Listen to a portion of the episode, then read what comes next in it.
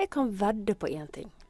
At når du drikker vin, så tar du en liten, smal slurk og gurgler den rett ned. Jeg heter Ingvild Tenfjord. Jeg er vinsveltist i A-magasinet. Og i dagens podkast har jeg tenkt å lære deg det enkleste trikset til å rett og slett bli bedre til å smake vin.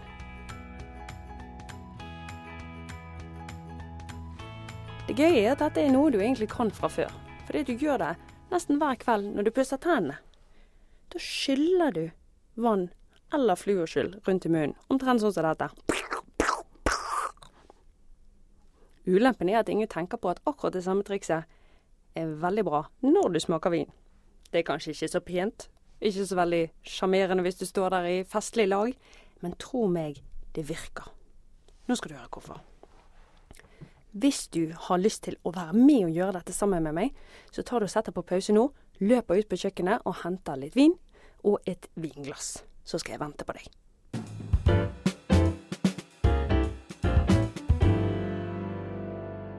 Hvis du ikke har vin, vel, da regner jeg med at du har drukket noen glass før, så da får du bare forestille deg dette. Nå sitter jeg her med en eh, helt grei eh, rødvin. Og jeg tar en slurk som ikke er for stor. For hvis du tar en for stor slurk og skyller den rundt, så blir det søling. Og hosting og harking. Så det vil vi unngå. Så her, skål alle sammen.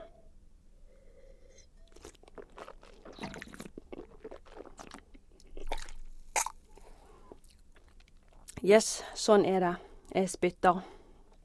Det må vinanmeldere gjøre på jobb. Men nå hørte du hvordan jeg skylte vin rundt i munnen. Poenget med den er at alle smaksløkene skal komme i kontakt med vinen. For da blir det jo veldig mye enklere å gjenkjenne hva den smaker. De fleste de spør meg er det vits i å kjøpe en veldig dyr vin. Nei, det er jo ikke vits i å kjøpe en veldig dyr vin hvis du ikke har tenkt å smake på den. Og det er akkurat det så få av dere gjør. Dere tar en liten tynn slurk og mister dermed et helt spekter av smak som den vinen, akkurat den vinen du har i ditt kjøkkenskap nå, kan tilby deg. Den observante lytter vil ha merke til at jeg gjør også en annen ting.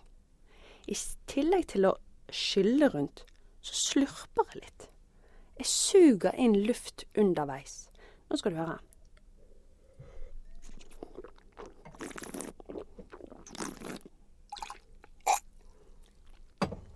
Hvorfor i all verden gjør jeg det? Jeg gjør det fordi at du kan lukte på vin på to måter. Enten bare vanlig gjennom nesen, eller du kan trekke inn luft samtidig som du drikker, og så stiger den opp i nesen bakveien, liksom via svelget. Så for dere som hørte forrige episode om hvordan du blir bedre å lukte på vin, så sa jeg dette at 80% av det du smaker, det er faktisk lukt. Og det er derfor vi gjør dette. Vi ønsker å forsterke luktopplevelsen så mye vi kan. Så hva er det jeg gjør nå? Oppfordrer jeg deg til å stå og slurpe og slafse deg gjennom hele middagen med din kjære? Nei, for all del, ikke gjør det. Jeg har en gang i livet mitt vært på date med en mann som insisterte på å slurpe hver eneste slurk. Det ble ingen date nummer to, for å si det sånn. Men hvis du liksom kan trekke det litt unna og gjøre dette i skjul, så gjør det at du smaker mer av hva vin har å tilby deg. Et siste triks skal du få med deg.